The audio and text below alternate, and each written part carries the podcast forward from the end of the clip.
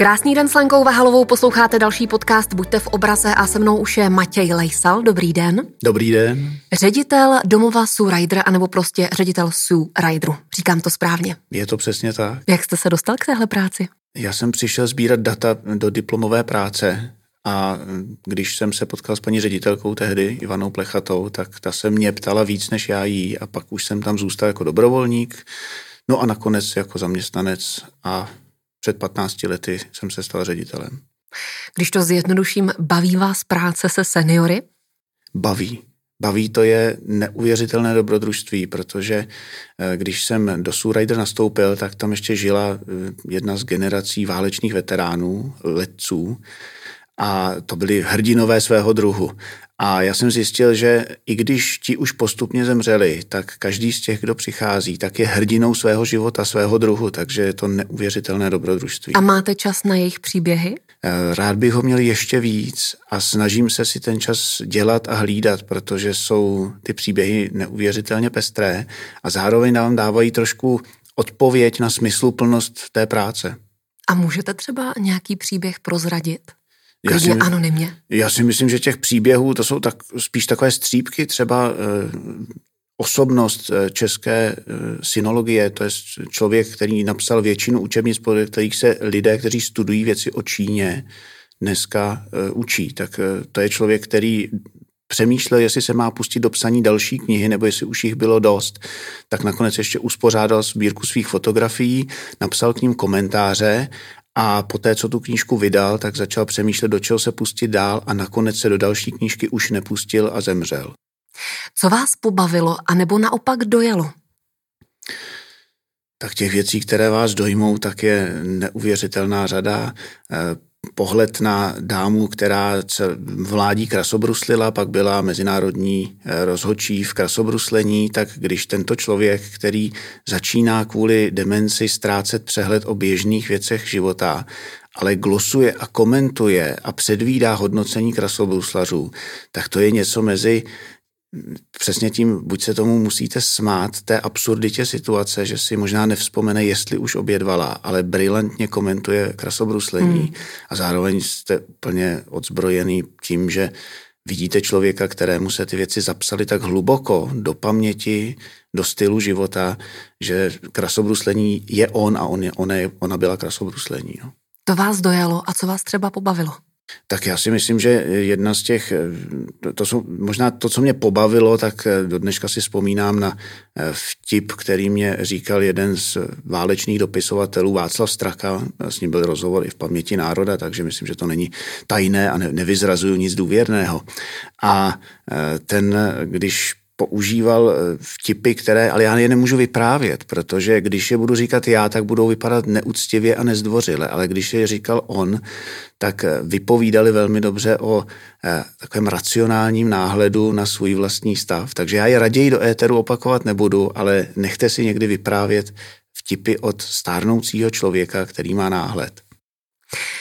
Kdyby náhodou někdo nevěděl, tak proč Sue? Tak eh, paní baronka Sue Ryder, která dostala ten šlechtický titul za svoje zásluhy v dobročinnosti, tak po druhé světové válce během té války teda sloužila jako dobrovolná sestra a v týlu britské armády a pomáhala připravovat eh, například výsadkáře eh, na české území mimo jiné, tak po válce se přihlásila do Červeného kříže a vyjela obnovovat válkou zničené Polsko. No a postupně ještě se svým manželem Lordem Cheshirem začali působit v dobročinnosti. A začala, byla, působila nejen v Británii, působila v Česku, působila v území bývalé Jugoslávie, v Indii, zkrátka tam, kam se dostali, tak eh, zanechávali takové stopy pomoci, takže hledali způsoby, jak v tom místě co nejúčinněji pomoci. No a na Prahu, eh, do Prahy zamířila ona a iniciovala tady vznik eh, domova Surajder, což je objekt v pražské Michli, a je to takové dědictví, které možná popisuje ten její přístup z Británie, kdy ambicí bylo dávat nový smysl starým nemovitým památkám, mm. tak aby měli vlastně důvod k další existenci a byly využité, tak to se stalo i tady v Michli. Z hlediska ekonomické racionality je to rozhodnutí diskutabilní. Kdyby se mě někdo ptal, jestli má rekonstruovat zámeček či statek na domov pro seniory, tak ho to budu zrazovat, zejména je památkově chráněn. Nezrazujte. Ne, já, já ho budu zrazovat, já mu budu doporučovat, ať tam udělá cokoliv jiného a ideálně třeba v zahradě nebo v sadu potom postaví účelovou stavbu pro seniory. Na straně druhé je pravda, že ty historické objekty mají svého ducha a v novém domě, v nové stavbě zkrátka nebudete mít dvousetletý vzrostlý strom, který vám vrhá stín, takže je to něco za něco. Mě zajímá, čím vším se zabýváte a čím se třeba lišíte od jiných domovů. Eh, Surrejder právě není jenom ten domov pro seniory. Máme tam 52 eh, lůžek, eh, staráme se o klienty, kteří jsou hodně závislí na pomoci. Řada z nich žije s demencí, řada z nich potřebuje skutečně pomoc 24 hodin denně. Vedle toho máme taky terénní službu osobní asistence, takže chodíme k lidem domů. A to, co je podstatná věc, tak čím víc jsme se zabývali eh, poskytováním těchto služeb, tak jsme zjišťovali velikánskou mezeru, nebo dvě velké mezery. Jedna z nich je takové důsledné kvalitní sociální poradenství. V době, kdy začínáte čelit tomu, že stáří může přinášet obtíže, tak v řadě případů se lidé rozhlížejí po takových tradičních modelech řešení. Dokud to i trochu jde, tak využijeme pečovatelskou službu a potom do domova pro seniory. A e, řada lidí vůbec nemá představu, že je celá škála dalších služeb, kterou když dobře nakombinujete, tak vám může umožnit žít doma mnohem déle nebo dokonce žít doma až úplně do smrti. Takže poradenství a v současné době ještě druhá věc. Jedna věc je poradit, navést, kam se máte obrátit a druhá věc je skutečně zorganizovat, zjednat přístup k těm službám a zorganizovat takový rámec pomoci, abyste měla jistotu, že o vás bude postaráno, nebo pokud to hmm. zajišťujete pro svého blízkého, tak aby vy jste měla jistotu, že je o něj postaráno. Tak to je technika práce, případová práce, v anglicky case management, tak to je něco, co začínáme opatrně přinášet do toho českého systému péče o seniory. Když to zjednoduším, tak s čím mají seniori největší problém? Tak já myslím, že první věc, která je problém sama o sobě, tak je, že senior není průměrný, protože dneska, když budeme používat jakousi demografickou kategorii, že senior je někdo nad 65 let věku, tak v Česku jich žije zhruba 2 miliony. A představa, že 2 miliony vystihnete nějakou jednoduchou, eh, nějakým jednoduchým obrázkem, zkratkou. Třeba, že neumí s počítačem. Eh, třeba tak, hmm. tak si troufám říct, že řadě lidí tím budete křivdit, nebo minimálně tím řadu lidí vůbec nepopíšete. Takže popisovat nějaký obecný problém seniorský, myslím si, že se úplně nedá. Eh, to, co myslím, že je tématem, které určitě je spojeno s odchodem do důchodu, tak je ekonomické zajištění. To je věc, kterou myslím, že řeší řada seniorů, protože průměrný důchod v současné době je něco málo přes 15 tisíc korun a předesílám průměrný. Eh, liší se důchod mužů a žen výrazným způsobem zhruba o 2 až 2,5 tisíce korun. Muži mají v průměru vyšší důchody než ženy a zároveň demograficky, když se podíváte na strukturu obyvatel, tak zjišťujete, že s vyšším věkem přibývá podíl, nebo roste podíl žen, takže roste podíl těch, kdo mají ty nižší než průměrné důchody třeba. Tak myslím, že ta otázka mm, finančního zajištění ve stáří, že je určitě jedna z těch, která by mohla být průřezová pro tu skupinu. No a ty ostatní pak už myslím, že se skutečně liší, že jsou lidé, kteří řeší svoje chronické onemocnění a s ním související a nebo z něj vyplývající obtíže. E, jiná část té seniorské populace je ve věku, kdy se stará o svoje vlastní rodiče, nezřídka, a vlastně řeší, jak rozdělit ten čas, který mají někdy mezi svoji rodinu, e, děti, vnoučata a zároveň mezi svoje rodiče. Takže těch témat je skutečně nepřeberné množství. Se mnou je stále Matěj Lejsal, ředitel Surajidru. Teď taková obecnější otázka, ale musíme se ji lehce dotknout, protože ta doba nás stále obklopuje, ale jak vnímají staří lidé tuhle takzvanou koronakrizi? A teď myslím hlavně ty, kteří třeba mají chronická onemocnění a už nejsou tak aktivními seniory, jako třeba jejich vrstevníci. Já myslím, že se to bude lišit eh, podle toho, kde ten člověk žije. Já mohu mít nebo uvést srovnání toho, když se staráme o stárnoucí nebo velmi staré, protože jim je 86 a více let v průměru, v domově pro seniory, kde ten čas uplynulý rok, velk, významnou část toho roku prožili vlastně v izolaci, protože byly omezené nebo dokonce zcela zakázané návštěvy. Jednu dobu bylo dokonce zakázáno vycházet z, toho, z těch zařízení ven. V současné době je velmi přísné omezení toho, když opustíte ten objekt, tak že se musíte vracet vlastně do jakési kvázi karantény a podobně. Takže to si troufám říct, že ta, ta doba byla spojena s takovým jako vzdálením se od, tě, od, od rodiny, od běžného života, od běžné náplně eh, času, na který lidé byli zvyklí.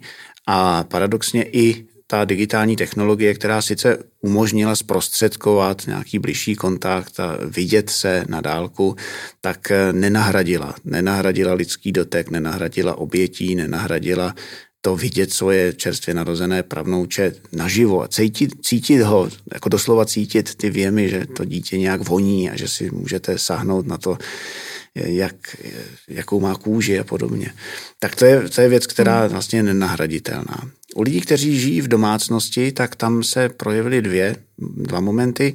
Pro část, eh, tak jak to můžu sledovat, se mm, ukázalo to, že rodina tím, že třeba přešla na práci z domova, tak získala trošku jiný prostor, jak rozdělit práci mezi čas a péči o své blízké. Takže třeba u té služby a soudní asistence jsme zachytili to, že část rodin se začala starat eh, o svoje blízké, zapojila se přímo do té obslužné péče a omezovali tu službu, kterou my jsme jim poskytovali.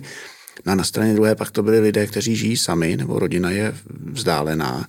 A pro ty to období znamenalo opravdu velikou zátěž, stres, obavy, eh, strach výjít ven, eh, promýšlení toho, jestli opravdu potřebují k lékaři třeba s tím chronickým onemocněním.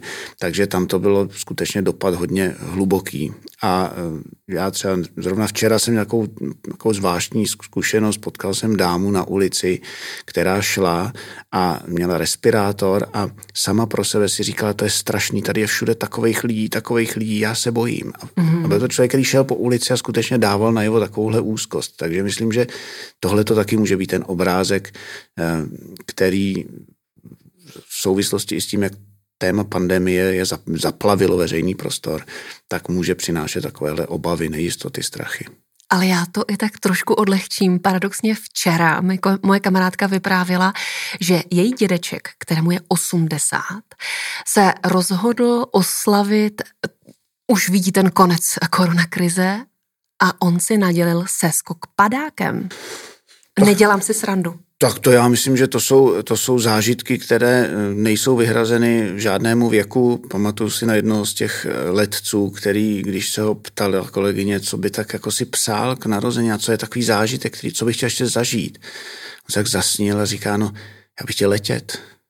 A bylo úžasné, když se podařilo mu zprostředkovat, eh, bylo to na letišti v Karlových Varech, let letadlem, vyhlídkový let a když piloti zjistili, kdo to vlastně je a koho vezli, tak eh, jednak odmítli vůbec přijmout to, že by měl za ten vyhlídkový let zaplatit, ale dokonce s ním ještě jednou odstartovali, jednou přistáli, protože se nechal slyšet, že to, co byl nejlepší zážitek, bylo to, když se ty ta kola podvozku odlepí od země. Takže přestože start je jedna z nejnákladnějších fází letu, tak eh, ho zopakovali tak, aby si ten pocit toho odlepení se od země skutečně užil. Takže já myslím, že tohle je něco, co nemá hranice věkové.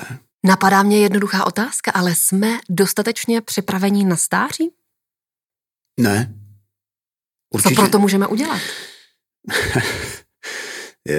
ne, já myslím, že nikdo z nás si totiž nepamatuje, jaké to bylo, když byl starý a tomu, co vyprávějí ti, kteří staří jsou, tak se těžko věří. A já už to zažívám na svých vlastních dětech, kterým když vyprávím já, tak už se v těch 12-13 letech na mě dívají s takovou lehkou skepsí toho, že to už přeci dávno neplatí. Takže myslím, že to, to je zkušenost, která je těžko nebo prakticky nesprostředkovatelná. Eh, to, co myslím, že je druhá věc, tak je to, že často máme stáří spojené eh, s nějakou fází ztráty soběstačnosti, zdravotními obtížemi, eh, protože nedávno zrovna jsme byl svědkem rozhovoru kolegyně s jednou z klientek, které je 85 a ta dáma se nechala slyšet, že až bude stará, tak a teď rozváděla ten hovor a já jsem pochopil, že to je skutečně mentální stav a toho, že to stáří je často spojeno s něčím, co je nepříjemné, nepříznivé, eh, možná je to souvisí to i s tématem závěru života, takže eh, ty, to aktivní promýšlení, jaké to asi bude, až budu starý, tak samo o sobě přináší trošku nepohodu. A myslím, že tohle je jedna z věcí, která se dá určitě otvírat, tak jako začít si vlastně hrát, jaké to bylo, když jsem byl starý a bavit se o tom s dětmi, se svými blízkými a možná ne ani tak technicky si představovat, jaké to bude, ale spíš mluvit o tom, co je pro mě v životě důležité. Naučit se vůbec říct, eh, já si nedovedu představit život bez, nebo proto, abych se cítil spokojeně, tak si potřebuju mít k dispozici to a to. Jsou to někdy maličkosti, které samotného člověka můžou překvapit, co je pro něj v životě důležité. Já si do dneška pamatuju, nebo pamatuju, on tatínek žije, ale můj tatínek, ten lpí na tom, že chce mít ráno kafe, kdy ho bude chtít on. A je to strašně důležitý impuls pro to, aby mohl ovlivnit to, kdy bude mít první kávu. A ve chvíli, kdy se mm. nastěhujete do pobytové služby nebo když jste v hmm. nemocnici, tak tam si moc tohle, takovouhle věc, když jste závislí na pomoci, ovlivnit nemůžete. Takže mapovat to, co je pro vás v životě důležité a bavit se o tom s ostatními, to je, myslím, jeden z kroků, kterým je možné se připravit. No a pak druhé téma, to jsme zmínili na začátku, tak je otázka toho, jak si představuju to, že bude vypadat třeba moje eh, finanční zajištění. Ono to je možná palčivá otázka, těžko představitelná, Pamatuju si na eh, paní doktorku Šiklovou, když nás učila v rámci sociální práce na filozofické fakultě a my jsme papouškovali ty naučené teze o důchodové reformě. Ona na nás koukala a říkala, spořit, spořit. Vy mě, člověku, který zažil dvě měnové reformy a masivní inflaci, chcete říkat, že si mám někam odkládat nějaké peníze? A já jsem pochopil, že to jsou věci, které skutečně jsou eh, jako životní zkušeností nějak formované. Nicméně ta otázka toho, jak si představuju, že budu zajištěn ekonomicky ve stáří, tak vůbec zase mluvit o tom. Já myslím, že řada z nás má velmi omezenou možnost toho, jak ovlivnit svůj majetek, kolik jsme schopni odložit stranou v úsporách a podobně. Nicméně vůbec jako připustit si to, že to bude otázka a vlastně si uvědomit, jestli očekávám, že mě zajistí stát, No a pak se podle toho tedy zároveň chovat, protože představa, že jsem podnikatel, OSVČ a předpokládám, že mě zajistí stát, ale zároveň neplatím pojištění nebo platím velmi malé pojištění, tak to je nějaká disbalance, kterou je dobré odhalit včas. Na druhou stranu na stole ještě leží další téma a to, že si můžeme k důchodu přivydělávat, pokud jsme stále fyzicky zdatní. Tak to samozřejmě možnost, možnost je. Znám řadu lidí, třeba v našich dobročních obchodech, řada kolegyň, tak je v kategorii těch, kdo už mají nárok na starobní důchod a přitom teda pracují a pracují placeně. Takže myslím, že to i, i to je jedna z variant, která rozhodně eh, je na pořadu dne. Myslím, že s tím souvisí ta otázka, před kterou stojíme nejenom Česko, ale Evropa, jakým způsobem vůbec bude řešen eh, ten důchodový systém. Já sám jsem nedávno někde si se trošku s úlekem dočetl, že pokud budeme prodlužovat tu dobu odchodu do důchodu tak, jak do posud, takže na mě by to vyšlo někdy v 75 letech. A tak jsem říkal, no ono to v praxi znamená rozložit cíly, taky rozložit cíly na to, abychom vydrželi pracovat 75 let a přemýšlet o tom aktivně, co je práce, činnost, ve které budu mít svoje uplatnění i třeba v těch 75 letech, tak eh, proč ne pracovat klidně?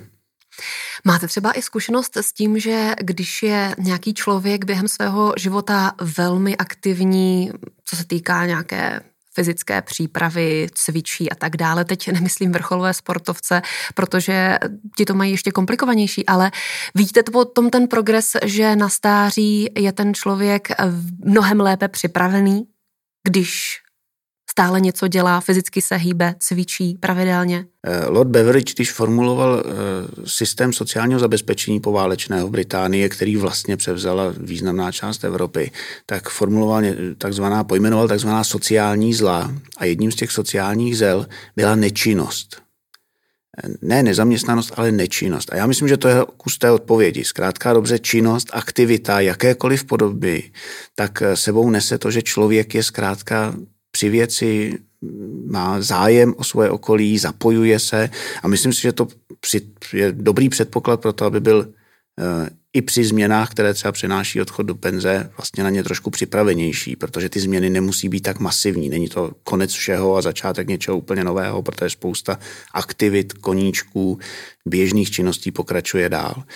To, co myslím, že je důležitá věc, kterou přinesl ten koncept aktivního stárnutí nebo aktivní přípravy na stárnutí, tak eh, on přinesl jeden, jednu, jeden neduch a to je, že eh, se vytváří dojem, jako že aktivita nebo moje aktivita a správný životní styl může mi zajistit jakýsi nárok na kondici ve stáří. A to já myslím, že je důležité si uvědomit, že to, jak eh, člověk prožije stáří, jestli zdrav nebo nemocen, jestli bude sobě stačný nebo ne, tak není věc rizích zásluh na tom, jak jsem žil svůj život. To zkrátka a dobře eh, je věc nějaké, která je možná vepsaná do genetického mm. kódu, je formovaná životním stylem, životními možnostmi, příležitostmi, které jsme během života měli. Takže nerad bych, aby vznikla rovnice mezi tím, když se budu dobře chovat v aktivním věku, pak budu mít dobré stáří. Nefunguje to automaticky. Můžeme tomu přispět tou aktivitou a myslím, že nejenom fyzickou, ale i sociální aktivitou, protože eh, jeden z pojmů, který se objevuje v sociologii, který sociologové masivně zkoumají, je něco, co se nazývá sociální kapitál, eh, což je nějaké bohatství, které člověk sbírá během života, tvoří síť vztahů, kontaktů. A to je často potom mnohem podstatnější věc, než jenom ta prostá fyzická kondice a absence nemoci družit, potkávat, být otevřený a e, zároveň by, mít tu dovednost pěstovat v sobě zájem o druhé, protože to, co nejlíp tvoří vztahy, tak je, když dokážete projevit zájem o druhé. A je to věc, kterou někdo má danou a někdo se jí musí, zejména my introverti, trošku učit, vědomně pěstovat. To jsme probrali fyzickou kondici. A co mozek? No mozek to je stejná záležitost. Aktivně trénovat, posilovat, eh, používat. Eh, Henry Ford říkal, že, eh, pra, že myšlení je práce a je to dokonce podle něho jedna z nejtěžších prací na světě. A pak dodal, a proto možná tak málo lidí myslí. Takže myslím, že aktivní přemýšlení, trénování i pomocí hříček, testů, ale i prostě věci jako memorování nějakých hezkých textů, tak může být něco, co povzbuzuje, aktivuje činnost mozku.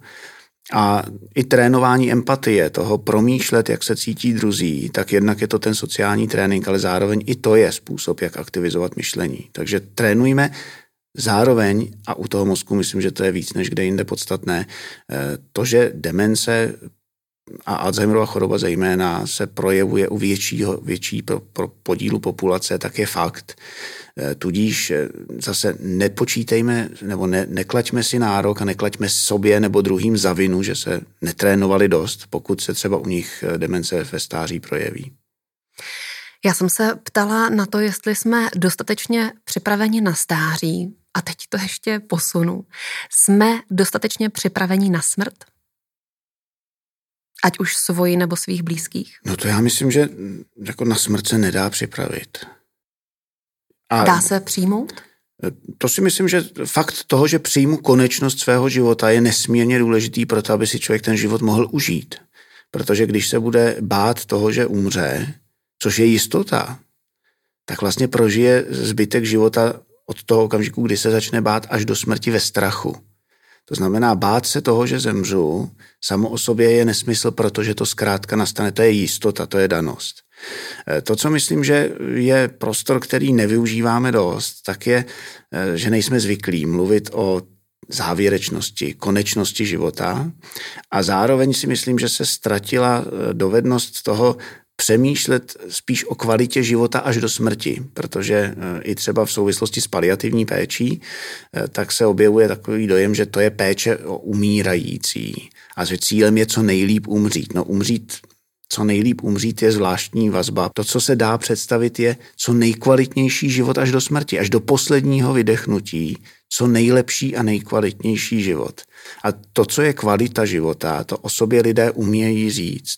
Pro někoho je to klid, ticho a pohoda a pro někoho je to být uprostřed největšího ruchu schonu každodennosti života rodiny, toho být na dosah vnoučatům a pravnoučatům a cítit to, že se kolem mě děje spousta věcí. Takže zase jsme zpátky u toho mluvit o tom, co je pro mě v životě důležité a jak se vypořádat s tím, pokud mi něco v mém životě bude klást překážky, aby to, co je důležité, jsem měl na dosah a k dispozici. Tak to je, myslím, důležitá věc. A e, otvírat to téma s blízkými, e, myslím, že to by se mělo učit ve škole třeba. Mm-hmm.